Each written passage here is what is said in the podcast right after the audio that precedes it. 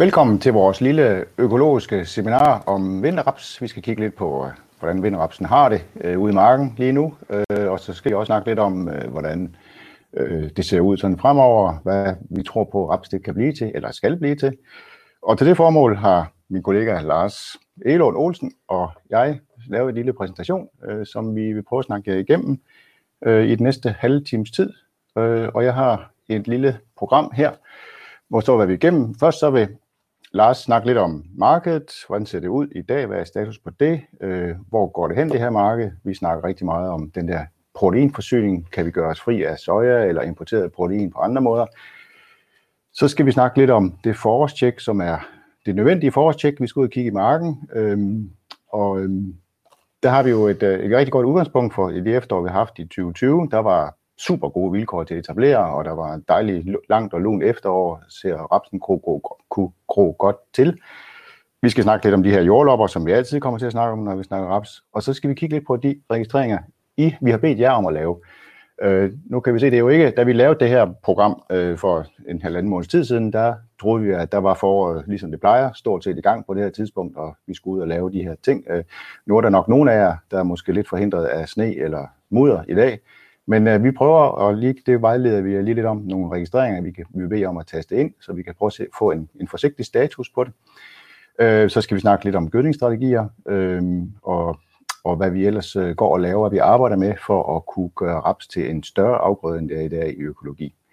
Men øh, det er vores program. Vi har en halv time. Øh, der er plads til at skrive spørgsmål og kommentarer ud i chatten, øh, og så øh, vil vi prøve at guide jer igennem, og det gør, at vi skal starte med det, øh, med det samme, og tage det første spørgsmål, øh, som handler om, hvorfor en, der kommer fire spørgsmål øh, hen igennem. Øh, først så skal I øh, prøve at skrive, hvorfor en øh, type udsæd, om det er hybrid eller linje, fordi det er jo sådan set også ret afgørende, når vi skal kigge på, hvordan planterne øh, kan og bør se ud på det her tidspunkt. Den kører nu, og så øh, når den så lige, øh, når I lige har tastet ind i den, så lukker vi den, og så introducerer vi det næste spørgsmål. Men øh, her og nu, så hvis vi lige går tilbage til præsentationen, så får Lars ordet og snakker lidt om rapsarealerne. Værsgo, Lars. Jo, tak. ja, som man kan se på den her figur, så, øh, så raps, så har det jo øh, været en forholdsvis lille afgrøde på under øh, 500 hektar. Det har så til ligget stabilt dernede i mange år. Og indtil omkring øh, 2016, hvor de ligesom siger, at øh, der, der, der kom en, en, en stigning areal, øh, og nu ligger vi op på de der omkring de der små 3500 hektar.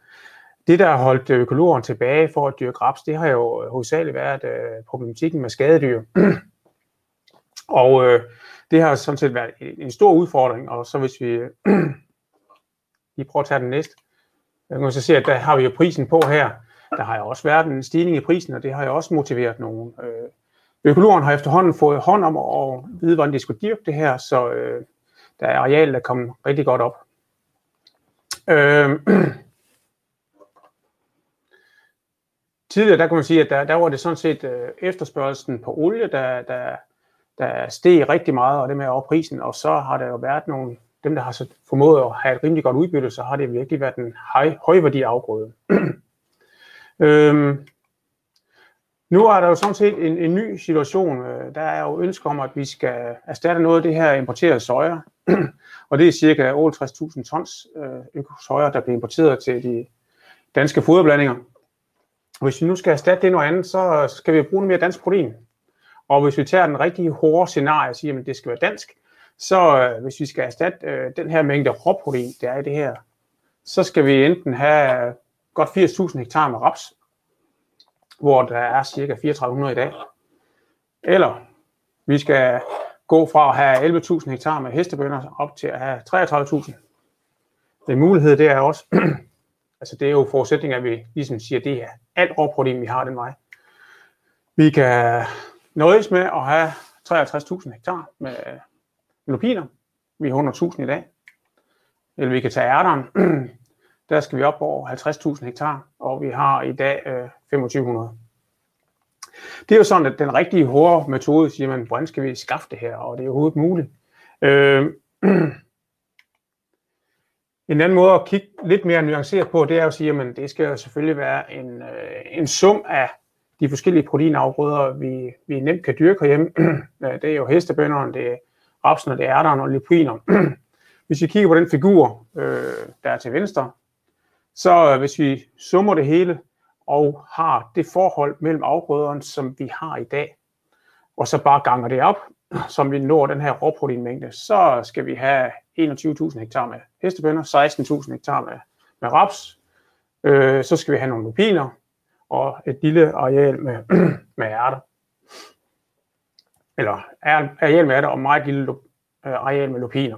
Hvis vi så tager figuren til højre, det er, hvis vi nu siger, at vi skal have en, et sundt sædskifte, for at vi kan have det her mingeleret ind, så skal hestebønderne fylde lidt mindre, men så har vi sådan set lige del portioner af øh, øh, raps, ærter og lupiner.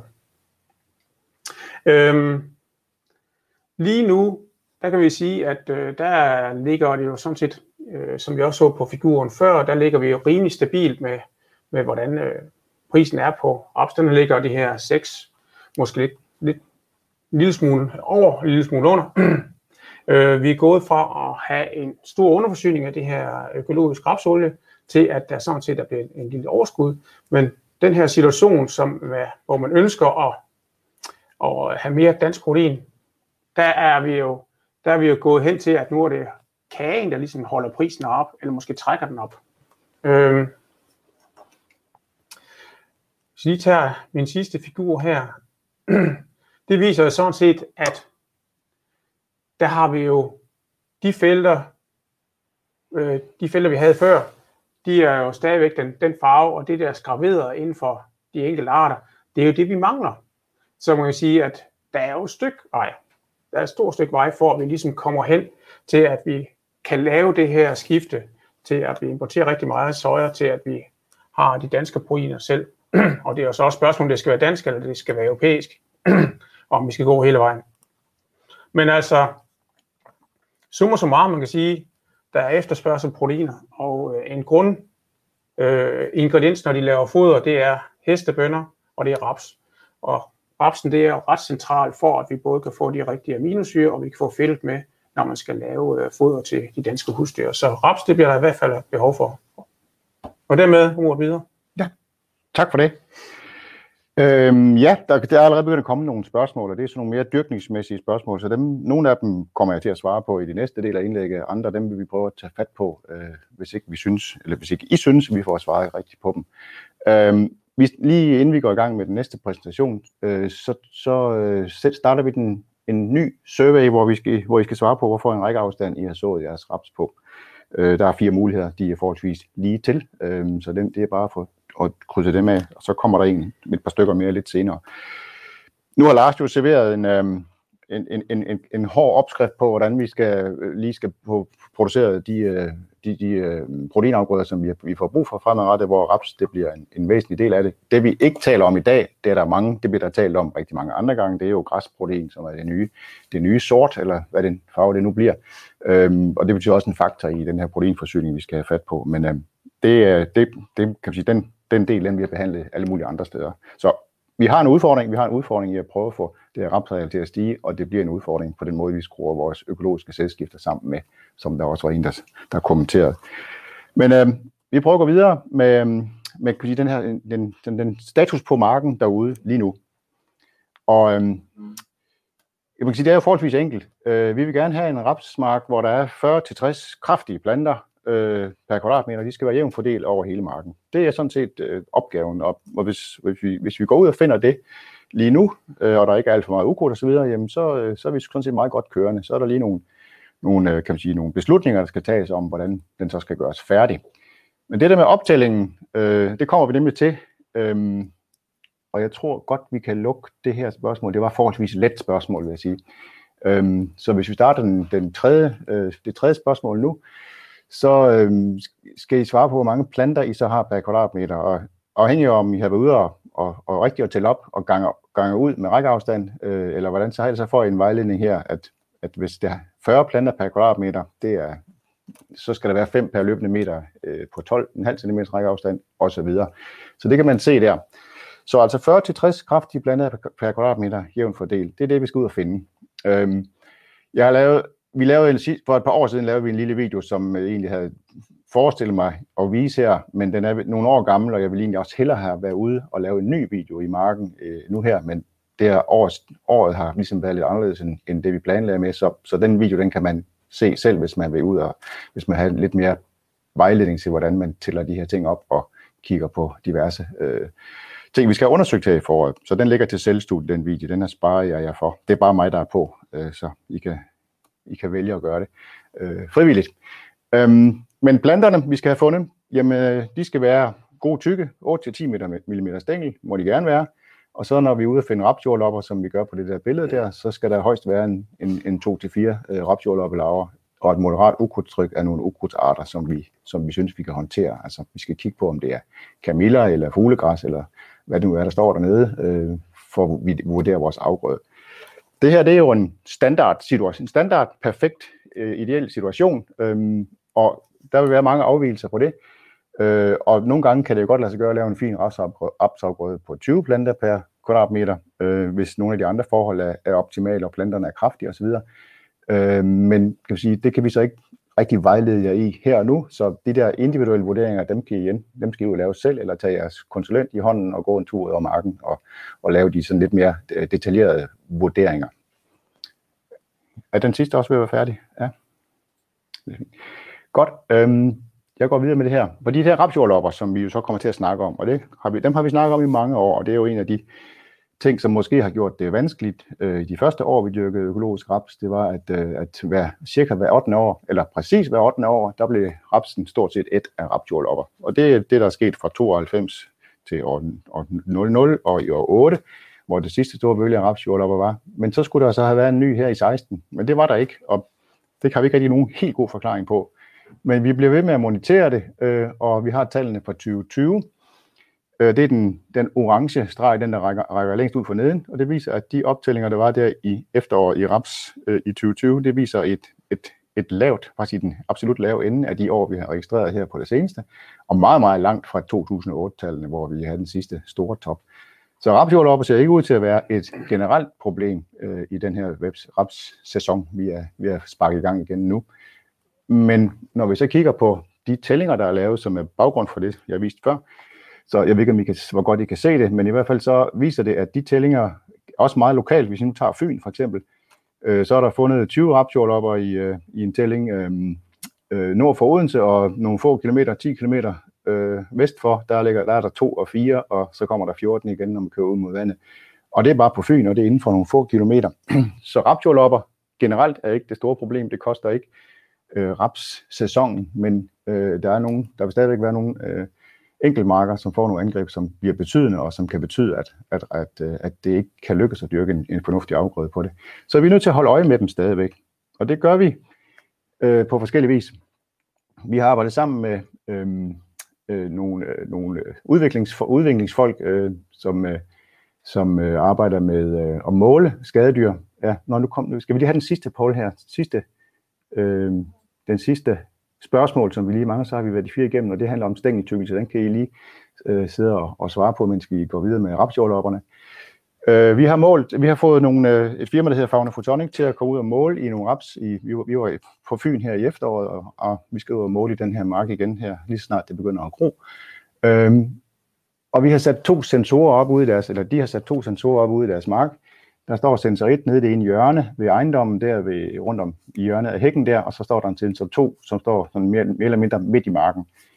Øh, og så har de sensorer, så har de været ude og måle. For det første måler de alt kryb og kravl, altså alle insekter. De sorterer støv og regnorm, og øh, ikke regnorm, øh, støv og regndråber og alt muligt fra. Så får de sådan nogle, øh, en, en, et, et flux, et billede af, hvor meget der flyver øh, inde. Og den, den gule kurve, den høje kurve, den der stod nede i hjørnet, hvor der var læhegn og, og så videre øh, der var ret, ret stor, øh, ret markant højere øh, indflyvning af insekter, eller insektaktivitet, end den, som der stod ude midt på marken der.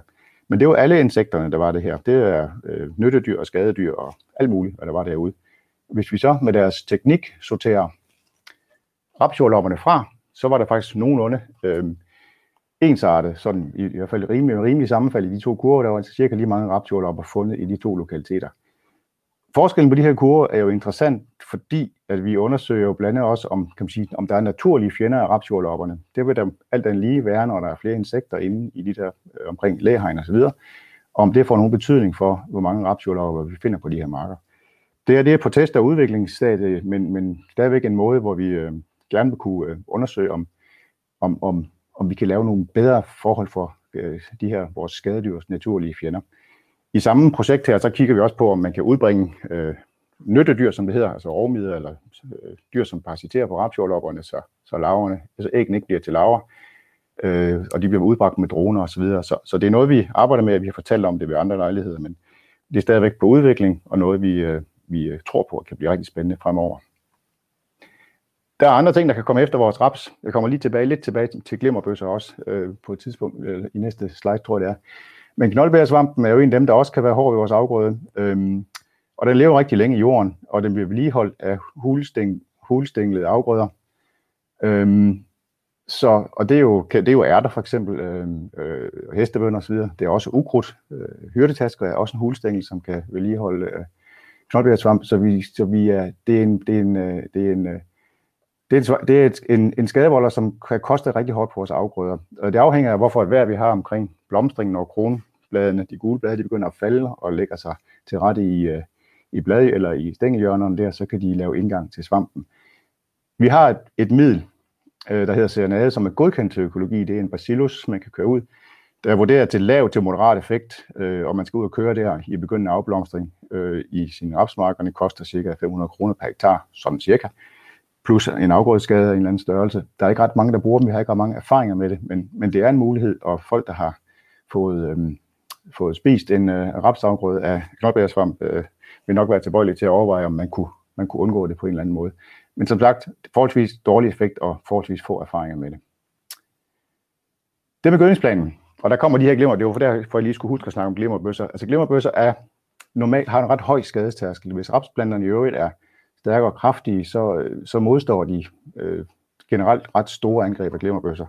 Så, så det, er ikke, øh, det, det er ikke noget, vi ser som et stort problem. Men de år, hvor foråret bliver varmt, og han har sagt langt, hvor, hvor, der, hvor, hvor og rapsen skal op og blomstre med mange sideskud, øh, så, kan det være, så kan det være en udfordring, at øh, glimmerbøsserne lige kan nå at følge med og lave nogle ret store skader i de, i de tidlige knopstadier. Så glimmerbøsser er også en faktor, men det har ikke været, i hvert fald i, i en del år, ikke har været en, det har ikke været en betydende faktor i vores rapstyrkning.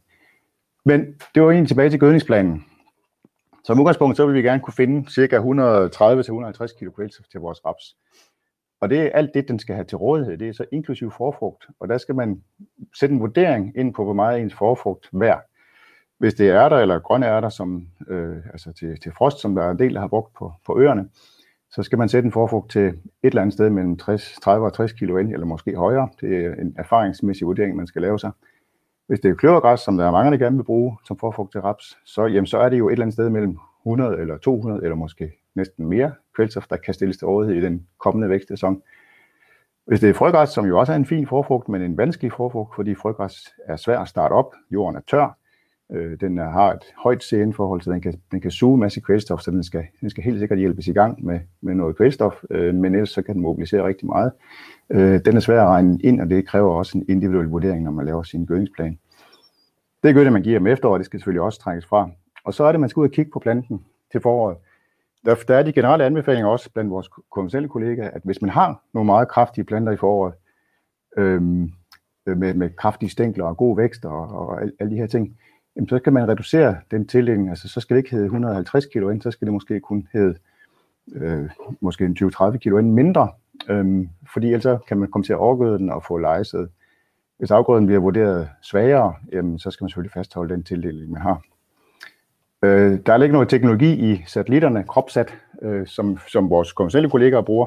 Systemet er ikke rigtig udviklet og tilpasset til økologi, men, men der har de også en graduering, når de måler biomasse, øh, om den så skal øh, have 60, 90 eller 110 kilo ind i første tildeling, så har de jo nogle flere tildelinger at give af ind igennem vækstsæsonen, hvor man efterjusterer gødningsplanen. Men kropsat, altså det måler biomasse, det vil sige, den måler ikke plante, den enkelte plante, om den enkelte plante er kraftig og vital osv. Så, så det virker ikke 100% på, på vores økologiske forhold, men det er stadigvæk en god, øh, en god indikator af, hvor meget biomasse øh, vi har at gøre med derude. Det er noget af det, vi skal prøve at kigge på nu. Øh, når, med jeres, den lille survey, vi har lavet, har vi fået lavet for kraftige afgrøder i efteråret. Det er der nogen, der har været bekymret for. Øh, det er jeg meget spændt på, om vi kommer til at se øh, i på jeres undersøgelser, og vi vil også prøve at snakke med, med andre i løbet af foråret her. Øh, vi lavede en hel masse tællinger i, øh, i raps her i, for nogle, øh, i, fra 17 til 19, øh, hvor vi sorterede raps efter forfrugt og udbytte. Øh, og man kan sige, det er så det er 106 marker, der er sorteret i tre klumper. Øh, forfrugt korn, det er den store klump til venstre. Så dem, der har forfrugt ærter eller tilsvarende, øh, det er den midterste klump, og så forfrugt med kløvergræs eller lucerne eller den type forfrugt. Øh, og man kan sige, forskellen i kurven er jo ikke så voldsom. Alle, alle forfrugter kan give over 4 tons udbytte. De kan også give tæt på 0, 0 eller tæt på 0 øhm, i udbytte, og der er en ret kraftig gradient på dem alle sammen. Så øh, den forfrugt, der sådan, i hvert fald statistisk set har været bedst i forhold til forfrugt korn, det er forfrugt ærter. Der er det, de bogstaver, de viser, at der er statistisk sikker forskel på den måde, vi har regnet ud i de her registreringer. Øh, for kløvergræs er så, kan man sige, øh, ikke statistisk i, i forskellen. Det, den har samme bogstav, altså A, A, A og A til, til ærter og kløvergræs. Men i hvert fald, det er muligt at lave rigtig gode øh, hvad hedder det, rapsafgrøder efter stort set alle forfrugterne, hvis man ellers håndterer dem rigtigt.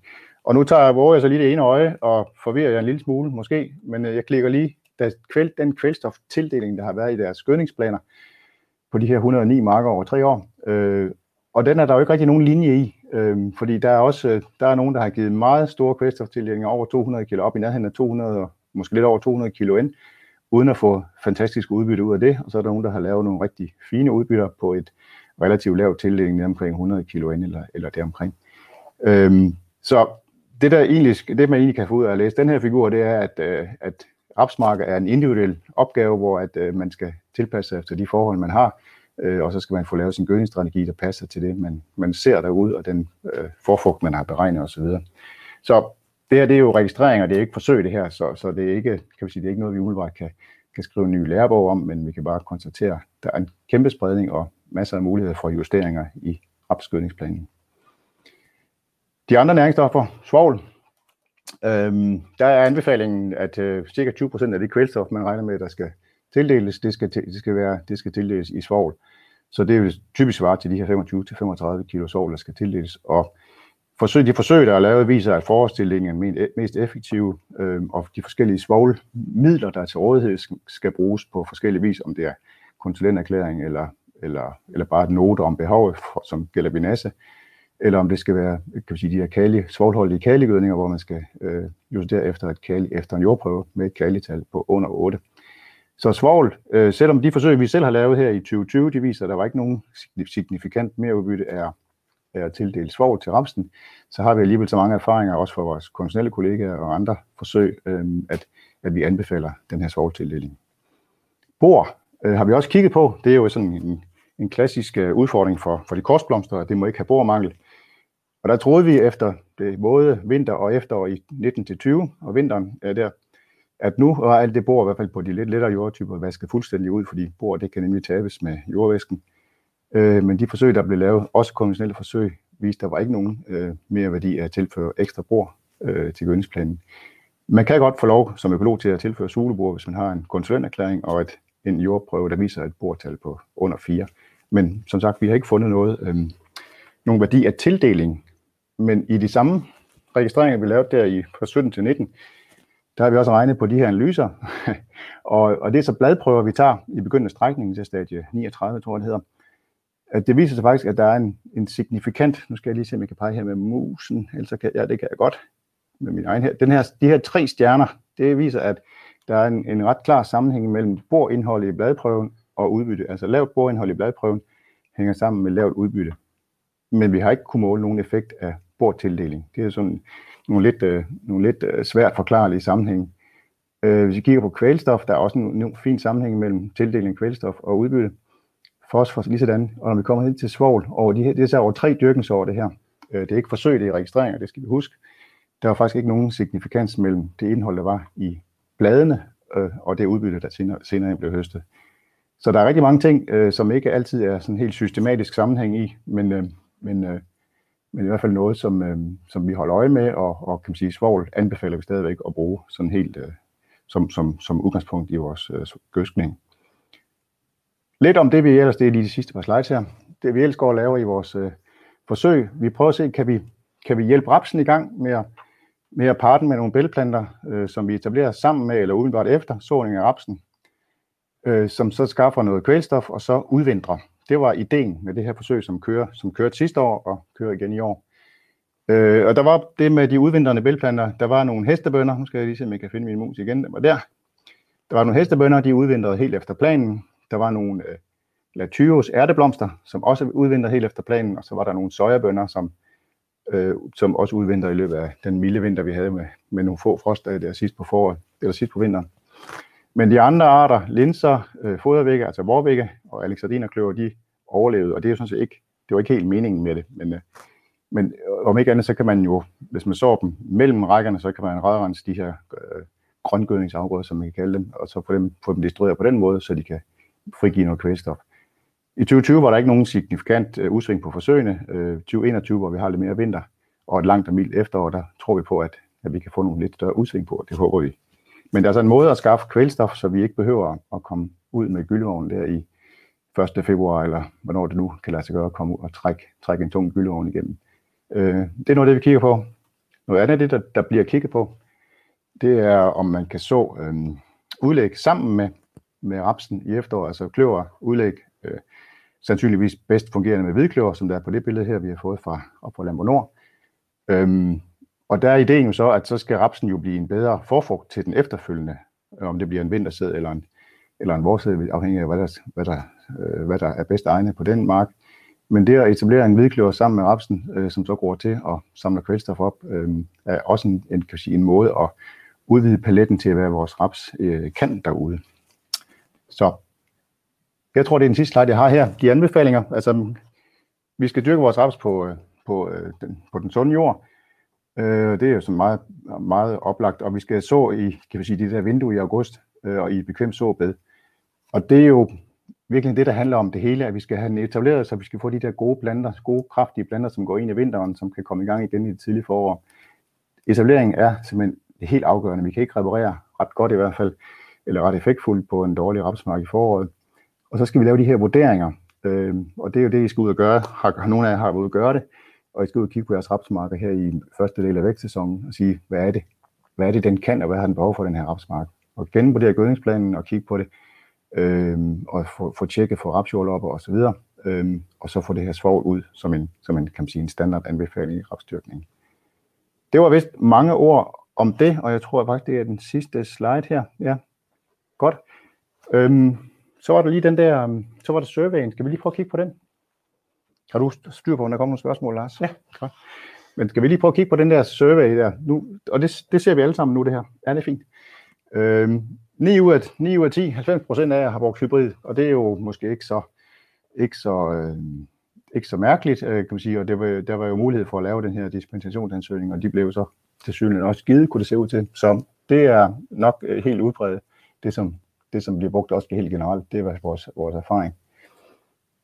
Kan du sige noget om anbefaling om det? Jamen, folk har jo så hybrider. Ja. De har en mere kraftig vækst. Ja, altså hybrider er jo, øh, er jo simpelthen bare en kraftigere plante, og det er også derfor, folk de gerne vil have dem. Øhm, om, om det flytter på det optimale så-tidspunkt, det tør jeg vel ikke helt sige. Vi kan jo ikke, vi, vi behøver altså ikke lege med det optimale så-tidspunkt, men den er jo hurtigere i tilvæksten og, og, og kommer, kommer lidt hurtigere i gang og, bliver, og kan nå blive kraftigere inden vinteren. Så, så hybrider er øh, super stærke. Vi diskuterer med, med forædlerne, om de begynder, snart begynder at lave en økologisk hybrid. Øh, Øh, og der er der nogen, der, der antyder, at de kunne det godt overveje, men vi har ikke set den på markedet endnu. Hvad, siger den, hvad sagde den næste? Rækkeafstand. Ja, der bliver jo, ja, det, der, der bliver, alle metoder bliver brugt. Der bliver almindelig rejsord på 12 cm, 12,5 cm. Øh, og så er der nogen, der står på 25, som formodentlig ud af radrense. Nogen står på 36 har lukket to tud.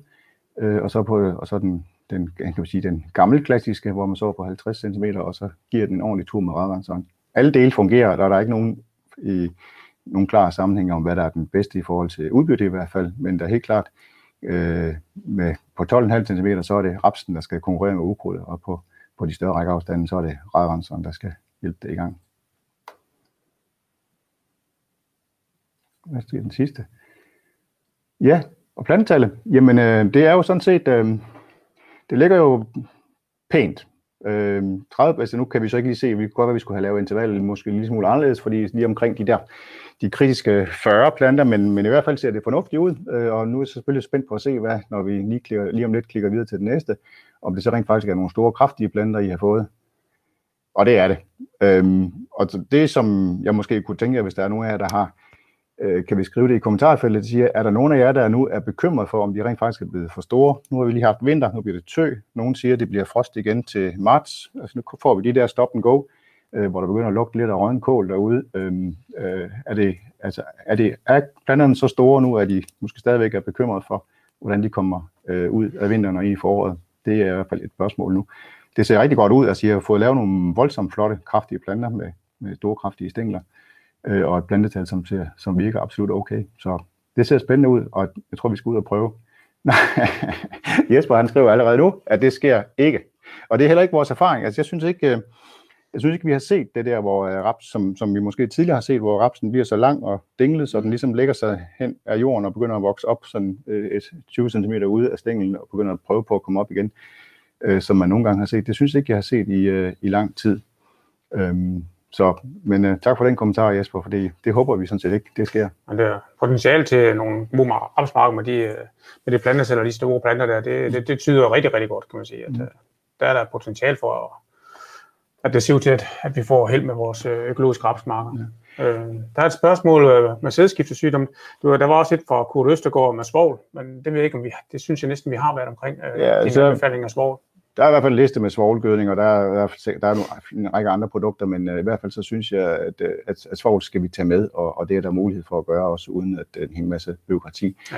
Det med sædskiftesygdommene, Lars, øh, nu har du udfordret os på at lave en, en hel masse mere øh, af de her øh, både, både bælplanter med ja. til protein og så raps. Øh, hvordan får du det til at hænge sammen? Ja, men det er jo så lige det, fordi jeg kan sige, at uh, gå ud fra, at Jesper han spørger, fordi at, om vi skal til at dyrke alt det protein her på de økologiske marker, øh, og skal erstatte al den soja. Og øh, det, det korte svar er, det er, at det bliver meget, meget svært, for at ikke sige umuligt, hvis vi skal overholde krav til sædskiftesygdommen, øh, og så skal dyrke al den bælsæd. Det kan vi sådan set ikke, men vi kan godt sige, at vi kan gå et langt stykke hen ad vejen, hvor vi siger, at der skal være fire fri, fire fri år, øh, hvis det er bæltet, men så kan man jo komme lupinerne ind imellem. Øh, der er to år, og rapsen kan også komme ind imellem. Men vi kan ikke opnå den, den fulde forsyning, sådan, som det hårde scenarie lige skitserer her. Det kan vi ikke. Så vi skal have omlagt 100.000 hektar mere, er det du siger? Øhm, jamen så løber vi måske ind i, øh, vi har jo sådan set nok korn, økologisk foderkorn. Øhm, det er, vi, det er vi nok af, og vi mangler, vi mangler protein. Øh, så det er jo sådan lidt, ja, øh, vi er, vi skal finde ud af at finde den her balance, og øh, den er ikke lige frem nem.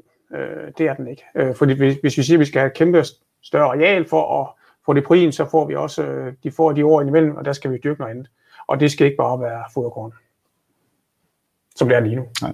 Det er jo en debat, som ikke, det er ikke nødvendigvis bare Lars og jeg, der skal tage den debat, men den kører jo øh, på, alle, på alle tangenter derudaf, øh, om at sige, hvordan gør vi, og græsprotein skal, skal redde verden, og, og kan vi bruge protein øh, fra, fra vores korn for at få det opgraderet osv. Så, så, men, men det stopper sig ikke at løse her i dag. I dag har vi snakket om, om raps i, øh, og hvad kan man sige, hvordan kommer rapsen ud af vinteren, og øh, vores opfordring herfra, det er at øh, komme ud, og når det kommer lidt mere i vækst, øh, der går nok lige en ja, det ved jeg sgu ikke, 3-4 uger endnu, inden at vi rigtig kan komme ud og se, om rapsjordlopperne har gjort noget skade, om, øh, om det er noget, vi skal reagere på. Øh, er I en tvivl om det, jamen, så ring til jeres konsulent og tag ham eller hende i hånden og gå en tur ud af marken, eller, eller bare tage en snak. De har jo, de har jo travlt med at lave fællesskemaer nu, de stakkels mennesker. Øhm, så, så vores opfordring det er, ud og kigge, og hvis ikke, var, var der flere spørgsmål nu? Så kan man jo tage billeder mm. og sådan noget ja, sende, og ja. farmtracking kan man lægge billeder mm. ind og så videre. Der er mange ja, muligheder. Ja. Der er en, det er en kommentar. Hvad moderat ukrudt er? Jamen moderat ukrudt, det er, hvis, hvis nu alt det ukrudt, man har, øh, det er, det er Camilla, som, øh, som står øh, og har det rigtig godt og kommer fint ud af vinteren også. Den er jo ikke, den blev, blev etableret rigtig godt i efteråret, den Camille der, der spirer sammen med rapsen. Og ikke, ikke, formodentlig ikke gået ud af den, selvom vi har haft lidt vinter nu, øhm, tror jeg. Øhm, så de vil kunne komme op og forstyrre rigtig meget. Øhm, det, det, er, det vil være en, en, en udfordring rent ukrudtsmæssigt, men, men når rapsen står, som den gør, øh, som jeg, som jeg forventer at høre lidt det, I siger, øh, så vil den klemme det meste af det ukrudt, der er. Og kommer der en hvid kamilleblomst hister her, øh, og, og det kan også, så, så var det altså lidt inden, at vi skal overveje at, at gøre noget vigtigt ved det. ja, jeg ved ikke. Øh, jeg spørger, Erik siger, at om 3-4 år, så er han færdig med at gøde hans raps, men, men, det, er, men det er rigtigt, man kan sige, kommer den her vinter stop and go, så, øh, så, en, kan man sige, så en, en mark, som man er i tvivl om, så øh, synes jeg stadigvæk, man skal, man skal rende ud og, og holde rigtig meget øje med den. Øh, det skal man gøre. Men de gode, kraftige marker, som I melder ind her, den tror jeg heller ikke, der er noget, der kan stoppe nu. Det er jeg sådan set ret sikker på, at I, har. I, I skal bare køre videre med. Nej, man kan kan sige, det er Anders' mark, hvis, der, hvis det endelig er lidt Camilla, ikke, og den står altså god og kraftig, øh, så vil det jo højst sandsynligt ikke være en særlig god idé at, at, at kassere den. Altså med det potentiale, der ligger i den. Den bliver måske hvid øh, og får en anden farve, der med blomster, men øh, det, det kan i hvert fald ikke økonomisk betale sig at, at kassere den. Det tror jeg ikke på. Så skal der være meget. Nej, jeg tror, hvis, vi, hvis altså, der står en god mark ellers.